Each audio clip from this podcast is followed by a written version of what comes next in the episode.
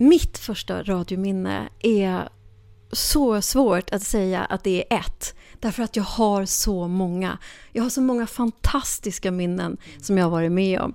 Alltså, det är allt ifrån när jag och Adam Alsing eh, blev lite smågruffiga mot varandra i studion och det slutade med att jag vinterbadade i Stockholms ström utanför slottet. Och det var typ så här 20 grader kallt eller någonting den vintern. Eh, det är också mina första radiominnen när jag gjorde julkalendern 1987 med Sören Olsson och Anders Jakobsson. Eh, och, eller så kanske det kan vara när jag gjorde ett direktsänt bröllop. Och jag gjorde det på 48 timmar. Häftigt. Radiofabriken den här veckan med Charlotte Lauterbach.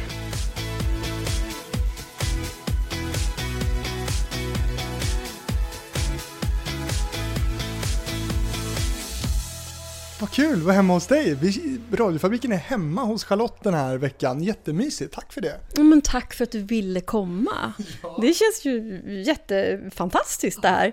Och här sitter vi och eh, äter pepparkakor, eh, dricker te och eh, nu ska vi prata om dig i en timme. Hur känns det?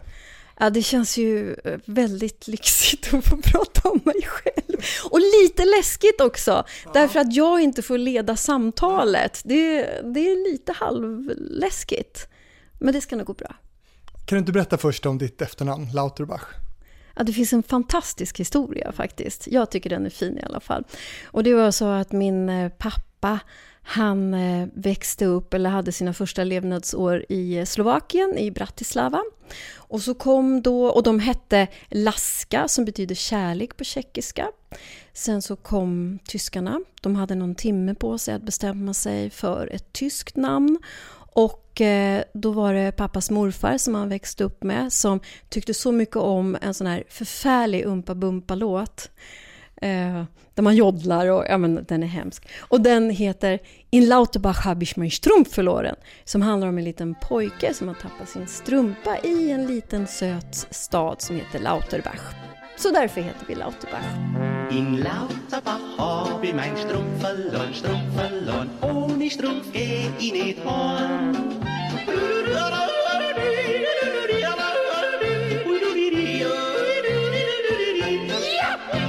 Har du varit där? Ja, jag har faktiskt varit där. Jag har ölglas därifrån och så här ölunderlägg som det står Lauterbach på. Hur var det då?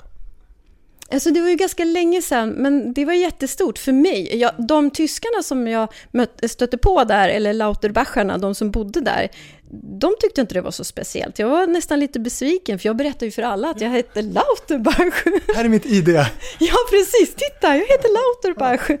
Men jag fick i alla fall köpa några ölglas då inne på en pub, just för att jag hette Lauterbach. Mm. Härligt. Du, jag har väldigt många minnen av dig, um, för att vi har ju träffats väldigt tidigt. Kommer du ihåg det?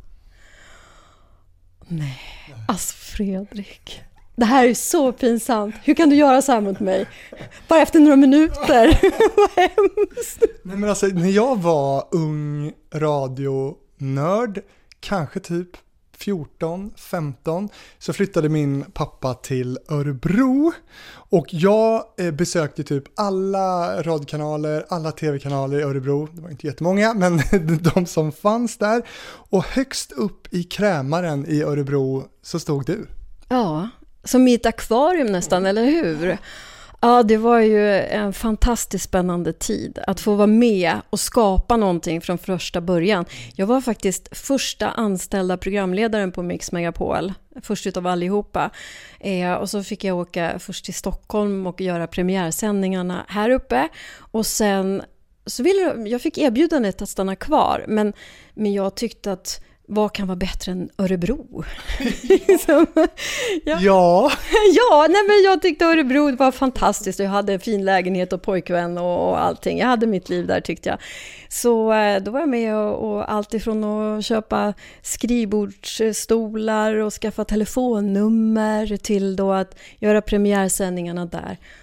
Och så sände jag i fyra år därifrån. Men jag, jag vill veta när vi träffades. Ja, jo, men då kom jag dit och hälsade på dig när du sände. Någon eftermiddag eller vad det nu skulle kunna ha varit därifrån.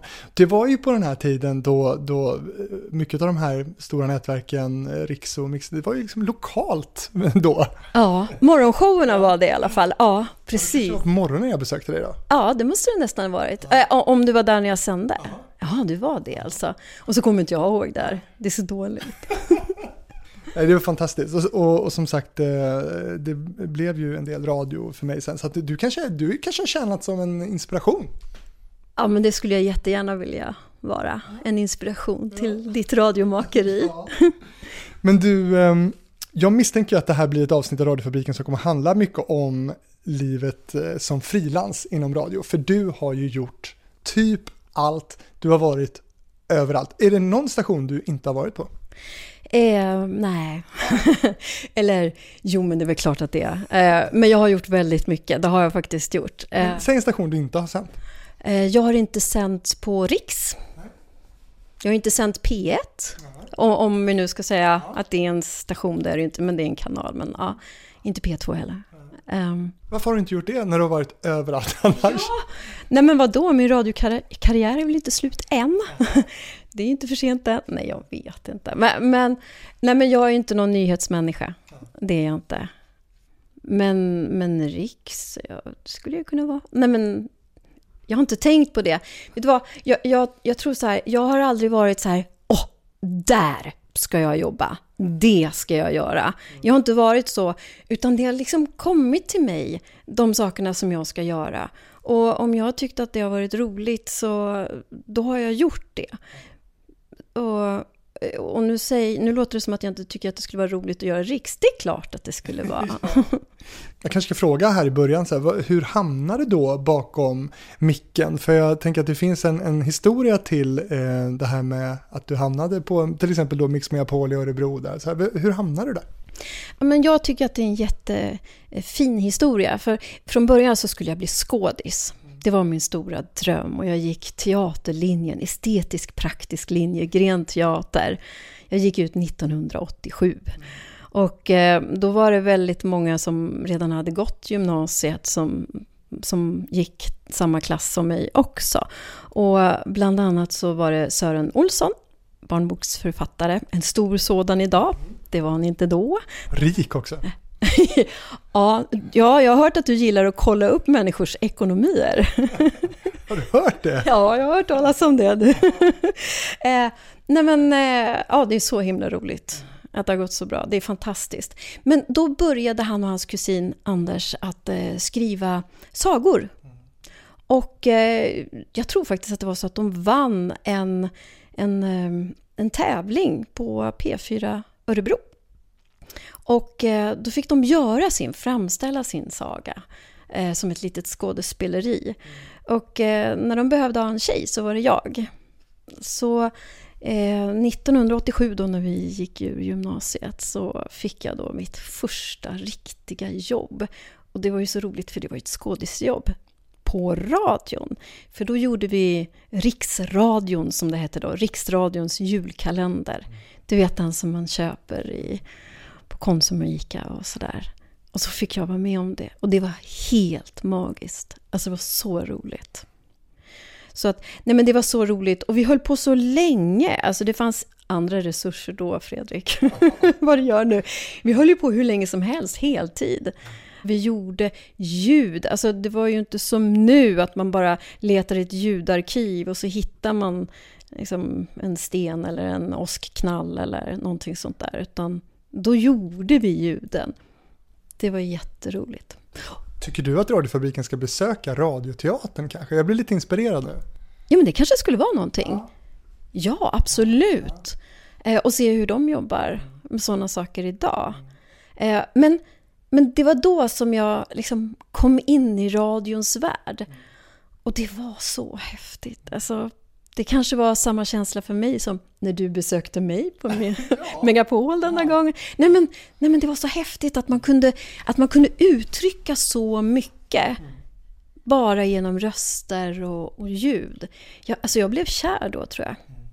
Du har ju gjort som sagt eh, väldigt mycket radio på många olika stationer och för de som inte vet det då så tänkte jag bara berätta att du har gjort allt från P3, eh, P4, en, ett eh, gäng lokala kanaler och P4 Riks, du har jobbat med P5, Radio City, eh, Mix Megapol som vi varit inne på, Star FM och nu är du på Lugna Favoriter och det finns säkert många som jag har missat här nu i, i, i högen. Plus då att du också ganska nyligen gör podd. Ja, jag har också fått komma in i poddvärlden. Ja. Och det är fantastiskt, just för att nu gör jag ju Lugna favoriter som är ganska lättsam underhållning, kan man väl kalla det för. Spela Lionel Richie och så. Ja, just nu är det bara julmusik. 100% till och med annandagen. Missa inte det.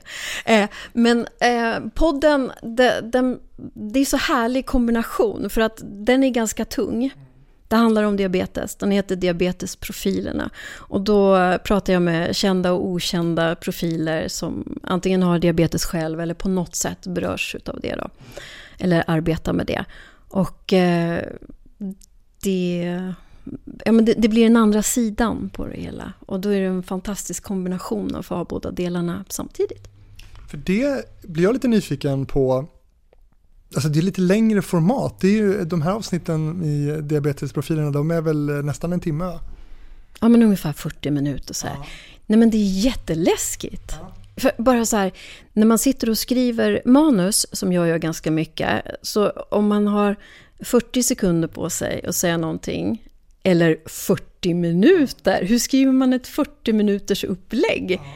Det tyckte jag var jätte, jättesvårt. Och, och förstå hur, hur man skulle göra det och inte låta emellan heller så man kunde nu tar vi och hämtar andan utan nej. Hur gör du då? Eh, när jag skriver manus? Nej men nu har jag ju kommit på det. nu vet jag ungefär tre till fyra A4-sidor. Så, så mycket är det. Så hur mycket har du med dig? För det här ska ju bli ungefär lika långt. Det här är ju ungefär två. Ja, det är inte alls lika mycket. Men vet du, jag tror att jag kanske är lite mer osäker än vad du är. Så att jag garderar mig och skriver väldigt, väldigt mycket som jag kanske inte använder sen. Men, men känner du dig bekväm då med, med det nya formatet, om man kan säga så, för din del? För att det är lite tyngre eller för att det är podd? Ja, podd, längre och tyngre. Okej, okay, jag ska erkänna att eh, jag eh, hade aldrig lyssnat på någon podd innan. Sen så tror inte jag att det här är jättetypiskt poddformat, utan det här är ju mer intervjuform. Och jag tar ju inte så mycket plats, utan det är ju personen som, som jag pratar med, Molly Sandén, Peter Gide, eh, med flera. Det är ju alltid läskigt när man gör någonting första gången. Jag tycker fortfarande att det är läskigt om jag ska gå in och, och sända på en ny radiostation eller ett nytt program eller ett nytt format. Då blir jag nervös. Det blir det fortfarande alltså? Ja, det blir jag nog. Och jag tycker det är ganska bra. Att man får igång lite adrenalin sådär. Alltså jag, jag hade nog längtat lite efter det där. Jag blev jätteglad när jag fick frågan eh, om jag ville göra eh, diabetesprofilerna. Och så känns det faktiskt väldigt fint också. Att få göra någonting som jag tror kan göra skillnad. Men du, det här med att du har jobbat på så många olika eh, kanaler, olika nätverk, olika mediebolag. Jag tänker, vad beror det på? Är det en rastlöshet i dig? Eller är du liksom någon slags offer för, för att det är så här som man måste jobba som frilansare i den här branschen? Alltså det är en jättebra fråga. Jag tror inte att jag har vågat analysera mig själv så mycket som du tvingar mig att göra nu då. Eh, eh, från början så var jag anställd. Jag var ju anställd på Megapol, som det hette från början, och Mix Megapol när jag slutade. Ehm, och då funderar man kanske inte så mycket på det där. Och sen bytte jag ju till Radio City efter det, efter min mammaledighet där.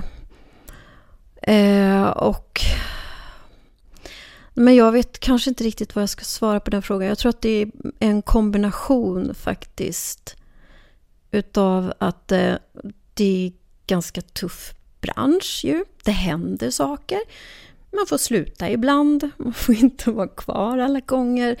Eh, Både för att eh, vi har inlasning och utlasning, eller vad vi ska kalla det på, på Sveriges Radio exempelvis. Eller för att man har bestämt sig för att eh, nu så ska vi inte ha lika många tjejer som vi har haft förut. Eh, så kan det funka på kommersiella radiostationer, att man, men vi vill ha en annan typ av programledare här eller så. så att, eh, um, men, men sen så tror jag också att det är så här att, att jag är väldigt nyfiken och har tyckt hela tiden att det varit så roligt. Alltså jag, jag brinner så mycket. Jag tror att det är 27 år snart som jag har gjort radio. Och då räknar jag inte ens med det där med julkalendern och så, utan radio som programledare. Och, och jag har hela tiden så här, för varje dag när jag vaknar så, och ska gå till jobbet så, så är det liksom, det är liten, ja det är någonting som brinner där inne. Det är någonting som gör att jag tycker det är så kul. Och när jag får fråga då så, um, så, så, känns det så spännande att få tacka ja. Jag gjorde faktiskt, um, nu ska vi se, det är ett par år sedan här. Uh, då räknade jag ut att på tre månader så hade jag gjort sju olika format. Um, då hoppade jag verkligen runt och släckte många bränder på radiokanaler. Men det var...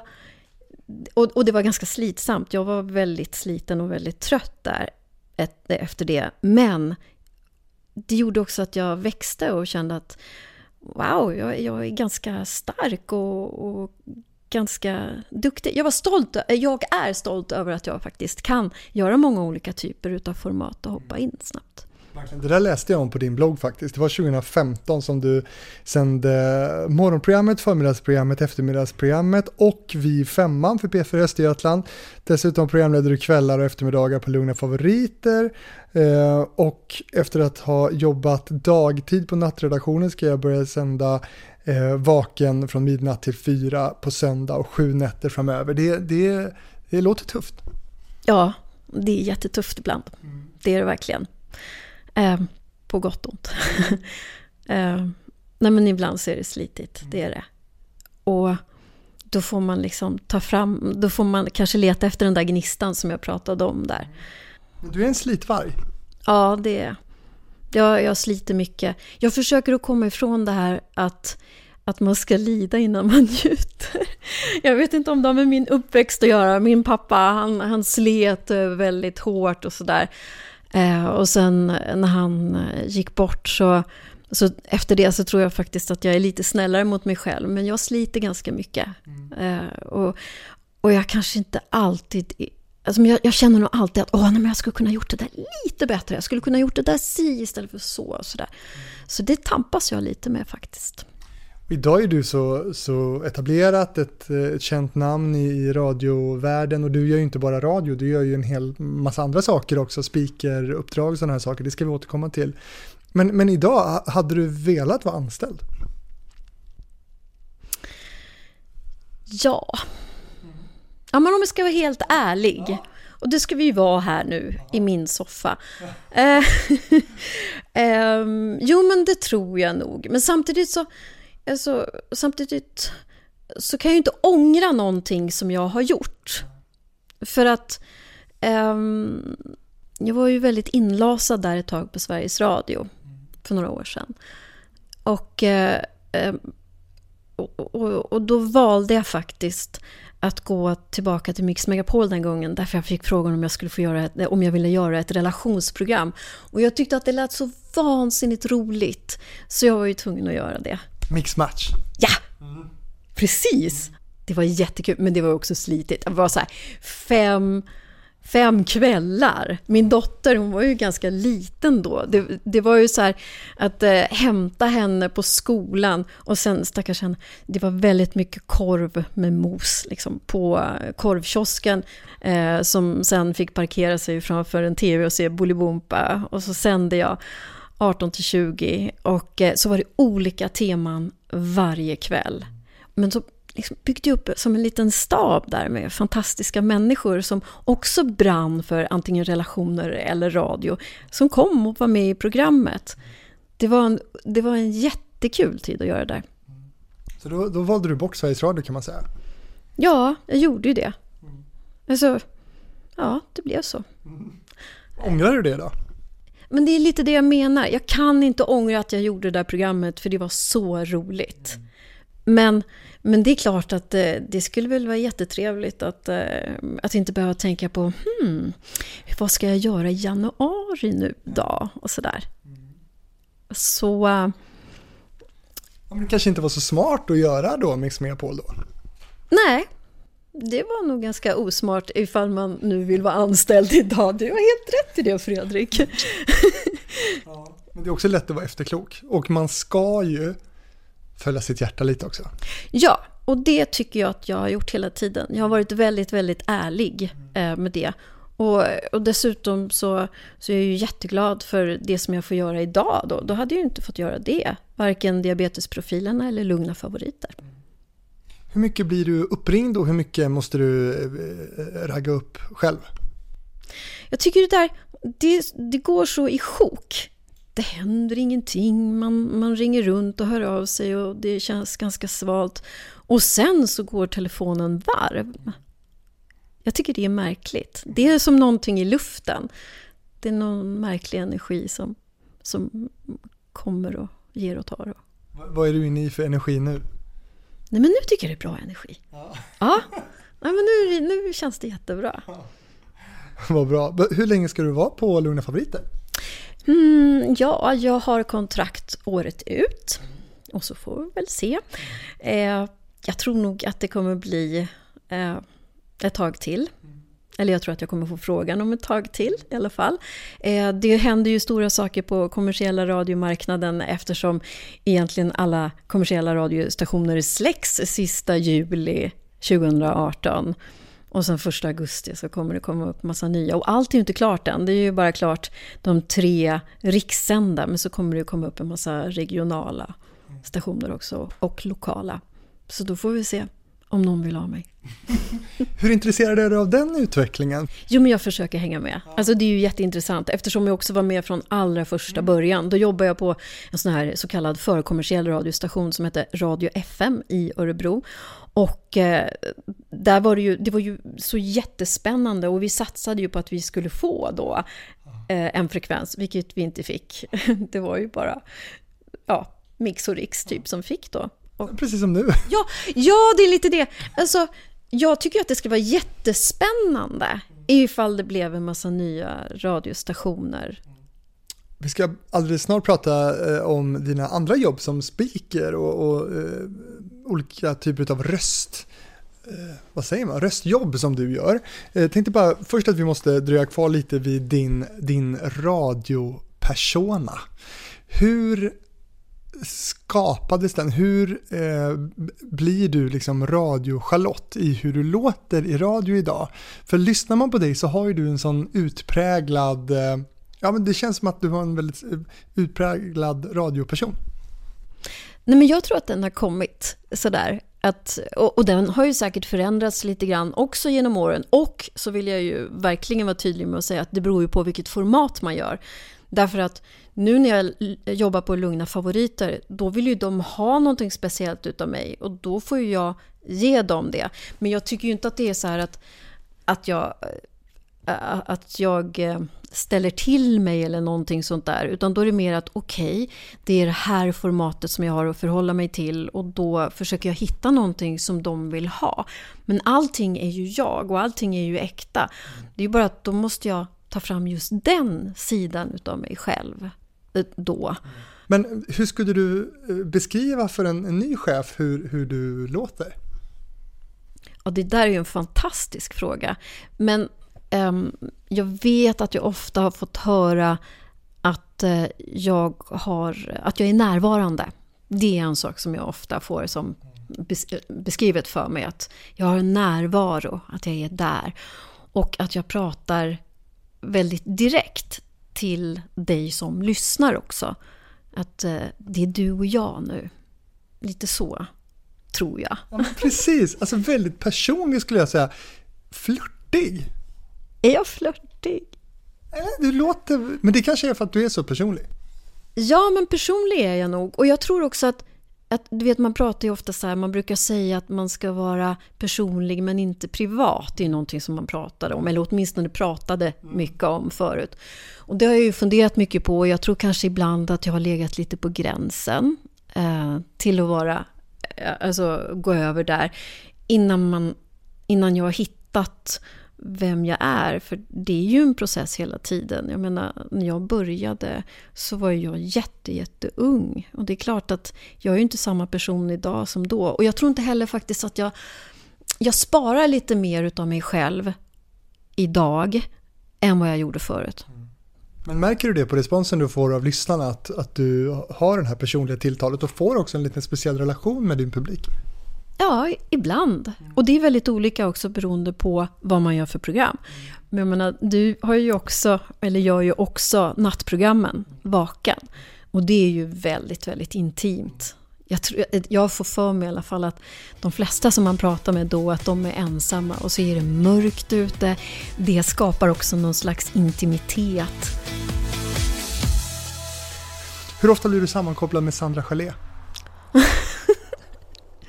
Ja, men det, det blir jag extremt ofta. Alltså det är så roligt. Därför att eh, senast som jag eh, sände natt och gjorde Vaken, då, då kom ju Sandra också, så vi, vi jobbar ju ihop. Och det var ju total förvirring. Det var ju ingen som visste vem som var vem. Och de kallar henne för Charlotte och mig för Sandra. Och det är det. Eh, jag vet inte vad det är för någonting. Eh, men Tydligen, tydligen säger jag, det här får ju du svara på, är rösterna lika? Men många säger att vi är lika som person ja. också. I vår personlighet så finns det någon likhet. Vad tycker du? Ja. Nej men något i energin förmodligen. Och du och Sandra har ju förutom gjort Vaken ihop eh, jobbat på Megapol mycket. Jajamän, ja under många år. Och jag som också är från västkusten var ju lika nördig där så att jag var ju naturligtvis runt på alla kanaler i Göteborg också. Och där stod ju Sandra Chalé och sände morgon tillsammans med Fredrik eh, mitt i centrala Göteborg. Så där har jag också varit och träffat henne ungefär på samma sätt som jag träffade dig då. Och, och vi är lika tycker du? Ja, ganska lika. Låter ganska lika och har ett, ett liknande tilltal. Kul. Du, du gör ju också en hel del eh, röstjobb och det är en värld som jag inte alls har koll på. Hur hamnade du i, i eh, röstjobbsvärlden? Oh, nu måste jag tänka efter här. Jo, men det var eh, under min Radio City-tid. Då, då var det någon som hade hört min röst och så ville de att jag skulle göra svenska versionen för Aquafresh. Och då gjorde jag det. Och den reklamen tycker jag väldigt mycket om. Alltså fortfarande. Och jag har kvar den. Du vet när man ska skicka ut eh, så här röstprover som man gör då. Man skickar till röstbanker eller till olika kunder och så här. Då använder jag Aquafresh fortfarande. För det finns någonting där som fångar min eh, karaktär faktiskt tror jag. Och det, var, det är inte bara så här, oh köp, Alltså den är inte så där säljig, utan den är väldigt finstämd. Hur låter den då? Ja, men jag ska tänka så här, det är någonting att jag står och borstar tänderna och jag har precis packat min väska och eh, hmm, undrar vart jag är nästa gång när jag borstar tänderna, för jag ska ut och resa då. Det är någonting sånt och så kommer den här fantastiskt manliga mörka rösten som liksom Aquafresh. Men jag kan ju inte härma det, men, men den är så här, ja men jag tycker den är lite fin, jag gillar den. Ja, så det var det, var det berömda bananskalet som gjorde att, eh, att jag började göra. Och jobbar man inom public service då måste man också säga här att det finns andra alternativ. Colgate. ja, det där gillar inte juristerna heller när man, när man benämner andra alternativ med namn. Har jag förstått. Så att, ja, nej, man vet inte hur man ska göra. Men okej, okay, så då var du inne i den, för, men är det där liksom, är det där stålarna finns eller? Ja, eh, Alltså, det är nog inte lika bra betalt idag som det var förut. Men det beror ju på vad man har för deal. Alltså jag skulle säga att det är väldigt, väldigt stor skillnad på eh, dels olika speakers, vad de tar. Och jag tror att jag tar kanske lite mera än många andra. Det finns en del som, eh, som gör det jätte, jättebilligt. Mm. Så, och, så, och det är ju olika vad det är för kund och, och, och hur det exponeras. Jag menar, om jag gör eh, om man gör någonting som ska gå på en lokal kanal i en vecka så är det väldigt stor skillnad mot Rusta då som jag har varit röst för nu i tio år tror jag. Så, eh, och, och det, de använder ju min röst överallt. Så, Till exempel i telefonväxeln också va? Ja, men jag har inte hört den. Jag har inte vågat lyssna på den. Men jag måste ringa till Rusta någon gång faktiskt och lyssna. Men och hur funkar det rent praktiskt? Finns din röst i någon slags bank där som, som man kan lyssna på? Eller hur, hur går det till när man väljer dig? Ja, men, ja det, det funkar på olika sätt. Just Rusta, det är en, det är en egen relation så att säga. Det, det är någonting eget. Men, men så, så kan man vara med i olika röstbanker. Och då funkar det ofta så att eh, kunden, de vet kanske att de vill ha en tjej. De vill ha någon som låter som att de är mellan 30 och 50 år. Eh, och den kanske ska vara mogen eller den kanske ska vara ung. Eller, ja, du vet, de har så vissa kriterier som de har kommit fram till att det passar till deras produkt. Och, och då brukar eh, här eh, röstbolaget, eh, då, då brukar de skicka exempel, kanske tre stycken. De här tre tänker vi skulle kunna passa. Och då väljer de en, förhoppningsvis mig. Och sen då, när du har blivit vald då, vad händer då? Men då åker jag till en studio. Och det är väldigt, väldigt olika hur det är. Ibland är det som, ibland går jag in i min egna garderob och eh, spelar in med en sån här mikrofon som du har med dig. Och, eh, ja, och då skickar jag den och så får de göra vad de vill med ljudet. Men ibland så, eh, ibland har jag varit med om att det sitter sju personer och det är regissörer och det är marknadsmänniskor och det är, ja, väldigt många människor som tycker och tänker. Och, och då, då kan det verkligen bli nörderi. Alltså det kan vara att man säger tre ord och vi kan hålla på en halvtimme. Med eh, just hur, hur man ska uttala ett A mm. eller någonting sånt där. Mm. Så, och jag tycker att det är jätteroligt.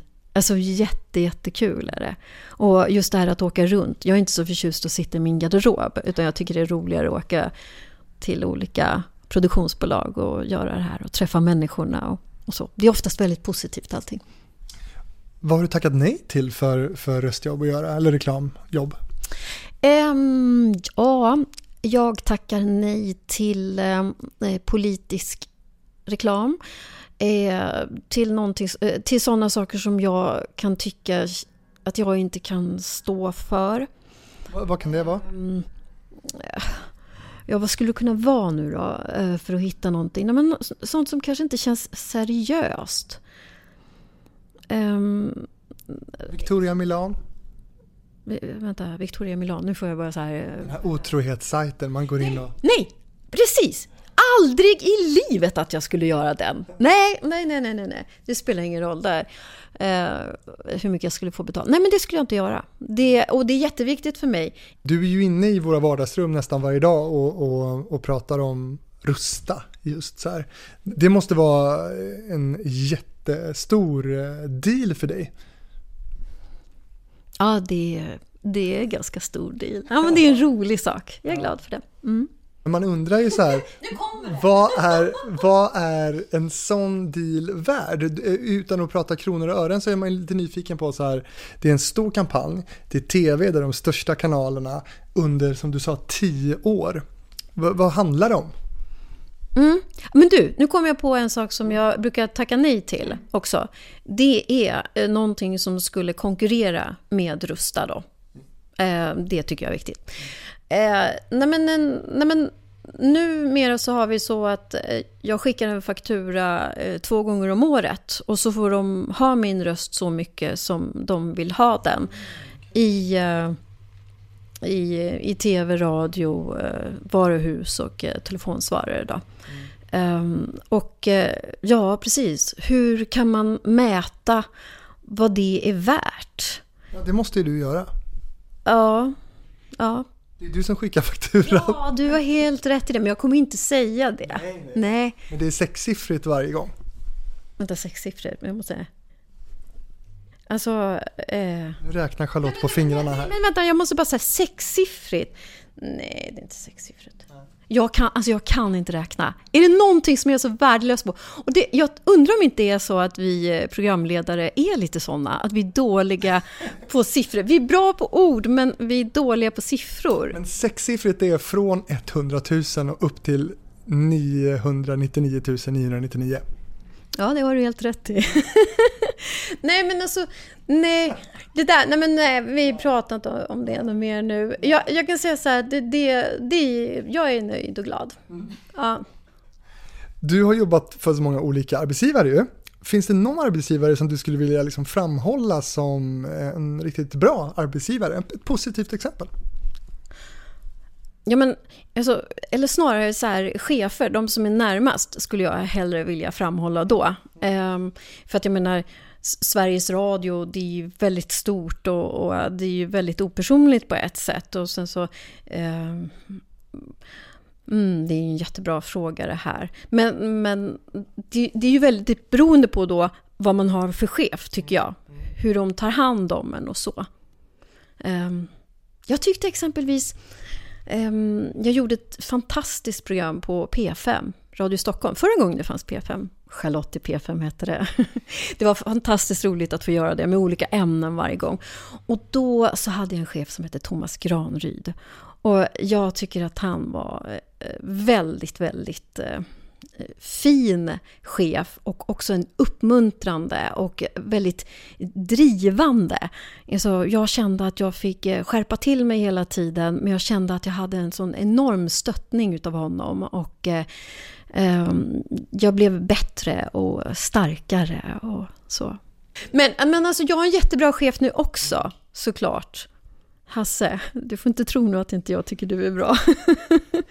Om du lyssnar.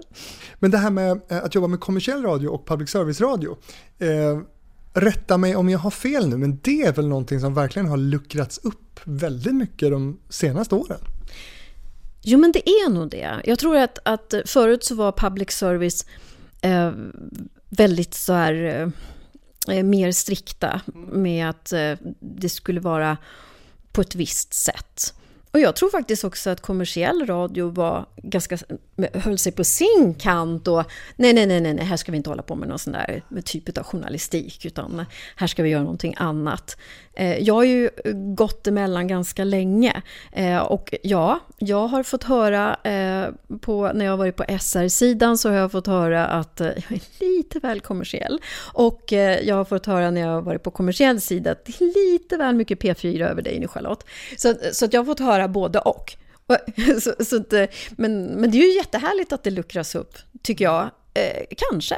Eller så kanske det är jättebra att eh, det är skillnad på det. Och så får man bara försöka och, och anpassa sig och hålla sig inom de ramarna som man ska vara, beroende på vart man är någonstans. Men vad är de största fördelarna skulle du säga att jobba inom public service kontra då kommersiell radio? Men alltså, jag älskar public service. Jag älskar public service. Eh, därför att ja, men mycket det här med att det är innehåll och att det finns en annan typ av eh, resurser och liksom seriositeten. Man, går, man slarvar inte förbi någonting och så. Så att jag tycker att det är fantastiskt med public, public service på många olika sätt. Man tas också på allvar kan jag känna om jag ringer.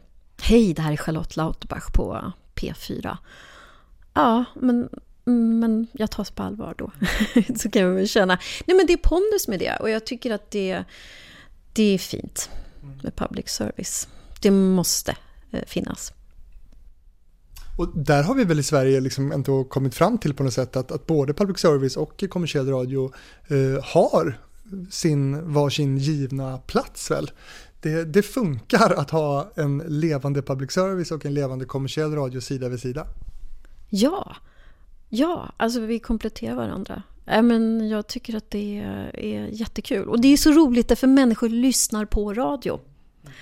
Jag, jag vet att du pratar med Gry om den saken.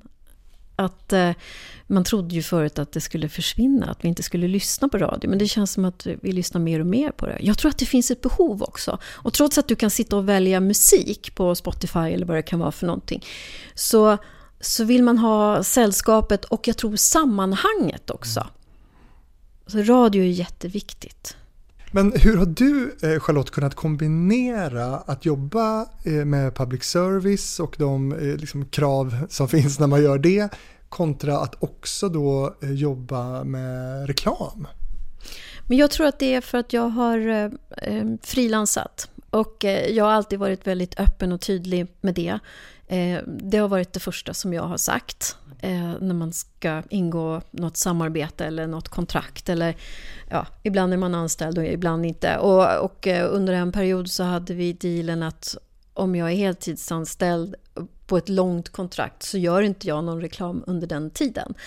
Mm. Men sen är det ju också så här, som det har varit de senaste åren när jag har gjort några program här, några program där, hoppat runt, då, jag måste ju faktiskt överleva. Så att då får man hacka i sig det. Och det har, har faktiskt alla gjort också. Det fanns något litet undantag en gång. Ute på någon, någon lokal kanal. Där chefen hade väldigt svårt att, att liksom förlika sig med det. Um, och, och, och, och vi, vi, ingick samarbetet men, men han tyckte att det var jobbigt. Liksom. Jag kan förstå det. Jag har respekt för det. Eh, och jag tycker ju inte att eh, det skulle passa sig om jag skulle göra nyheter eller aktualitetsprogram. Då, då skulle det nog bli lite väl svårt att, att förena det faktiskt. Hur tycker du då att du skulle säga att, att mediebolagen idag tar hand om frilansare, vikarier? Ja, Fredrik. Vi sa ju att vi skulle vara ärliga här i soffan. Eh, det finns en del som är bättre än andra. Men det är klart att det är ett jätteutsatt läge att vara frilans. Det, det säger ju sig självt. Och det är jättetufft. Och eh, ibland så åker man ut.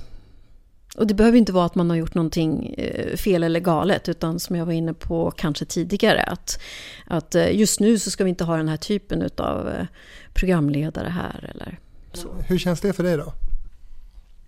Jag är en väldigt känslig person. Jag är inte Ehm, jag är väldigt stark, men jag är väldigt känslig. Så jag kan bli jätteledsen och känna mig eh, både ja, men, utsparkad eller, eh, eller så personligt eh, besviken och så. Ehm, men som sagt var, jag är väldigt stark också så att jag, jag slickar mina sår och går vidare. I de vilka villkor hade du velat se då för dig som frilansare eller vikarie som, som inte riktigt känns bra idag? Det är ju en jättebra fråga eh, och, det tycker jag är lite svårt att svara på så här på rak arm. Men, men det är väl allmänt känt så här exempelvis att eh, Sveriges Radio har ju det här problemet med att man blir utlasad eh, om man har jobbat eh, lite för länge. Och då är det ju klart att det känns ganska tufft om man har gett sitt allt och man har vänt på dygnet fram och tillbaka. Alltså det, både personligen och, och, och yrkesmässigt har gett allt man har. Och man får höra att eh, du är en sån resurs och det är så fantastiskt med dig och du kan göra allt det här. Och sen rätt vad det är så är det helt stopp. Så att visst, man skulle kunna svara på frågan att eh, ta bort de där inlasningsreglerna, men de har ju funnits så länge som jag har jobbat med det här och det är ju som sagt var 27 år. Då får du bli politiker. Ja, det kanske är det jag ska bli efter det här. Vi ska väl säga också i ärlighetens namn att LAS-reglerna gör väl också att, eh, att en del lasas in och faktiskt blir anställda också. Ja, men det finns ju faktiskt en och annan. Ja. Det stämmer. Ja, men precis. Ja, det är ju inte det i sig. Det är kanske mer utnyttjandet åt andra hållet. För att det är ju en jättefin tanke med att ha en sån lag, såklart. Har du några drömprojekt? Ja, jag har drömt om att få få göra några av de här kultprogrammen som jag tycker att eh, Karlavagnen och Vi femman är. Och de har jag fått göra och det var ju liksom en dröm sådär. Men vad är då framtidsdrömmen? Ja, hmm, alltså en redaktion. Att man, att man får eh, ha några fler människor och göra ett stort program. Kanske ett relationsprogram. Alltså, jag älskar relationer. Jag tycker det är så spännande. Det, det, det är fantastiskt alltså. Du, eh, plockade jag upp här att du var inte så förtjust i att prata pengar eller? Eh, nej men alltså prata pengar om du vill prata pengar. Jag kan men, prata om allt. Ja. Men jag kanske inte svarar på allt. Nej, för du har lyssnat lite på, på radiopodden förstår jag och eh, har hört då dina kollegor som Gry Forssell och eh, Titti Schultz eh, som ju drar in mångmiljonbelopp på det de gör. Va, vad tänker du när du hör det? Jag är jätteglad att de gör det. Grattis! Mm. Jag tjänar inga mångmiljonbelopp på min radioverksamhet, nej. Vet du vad du tar ut i lön? Eh, ja, alltså det är ju så otroligt varierande vad jag tar ut i lön. Mm. Nu har ju inte jag jobbat heltid på jättelänge. Mm. Så att eh, jag är ju bara halvtid kan man väl säga på Lugna Favoriter. Och ibland så är jag på firma och ibland så är jag anställd. Så att eh, jag har ju båda delar. Mm. Så det är olika. Mm. Ibland är det tufft och ibland så är det bra. Jag har gjort lite smarta saker. Eh, på den tiden jag tjänade massor med pengar. Nej, men, så att eh, då, och, och sen är det också så att jag känner att jag... Nej, och då behöver man kanske inte tjäna lika mycket pengar hela tiden, exakt hela tiden. Och sen så tror jag också att det är så här att, eh, att jag värderar eh, lite annorlunda idag. Jag menar inte nu alla framtida arbetsgivare att ni inte ska ge mig någon bra lön. det är klart inte så jag menar. Du som eh, vill hänga på Charlotte till eh, Lugna Favoriter-studion kan göra det på Radiofabrikens Facebook-sida. För vi ska få komma på besök, eller jag ska komma på besök. Ja, det ska bli jätteroligt. Då, då, ska du få visa eh, hur du ser ut där du jobbar och jag ska också ta reda på exakt hur trött du är på julmusik. Ungefär. Eh, redan? Eh, ja. Alltså vi började 10 november och spela julmusik. Inte konstigt om man är lite trött på, på Driving Home for Christmas och så. Du, tack så hemskt mycket för att du var med i radiofabriken och tack för teet. Tack snälla för att du kom och vill du ha mer te?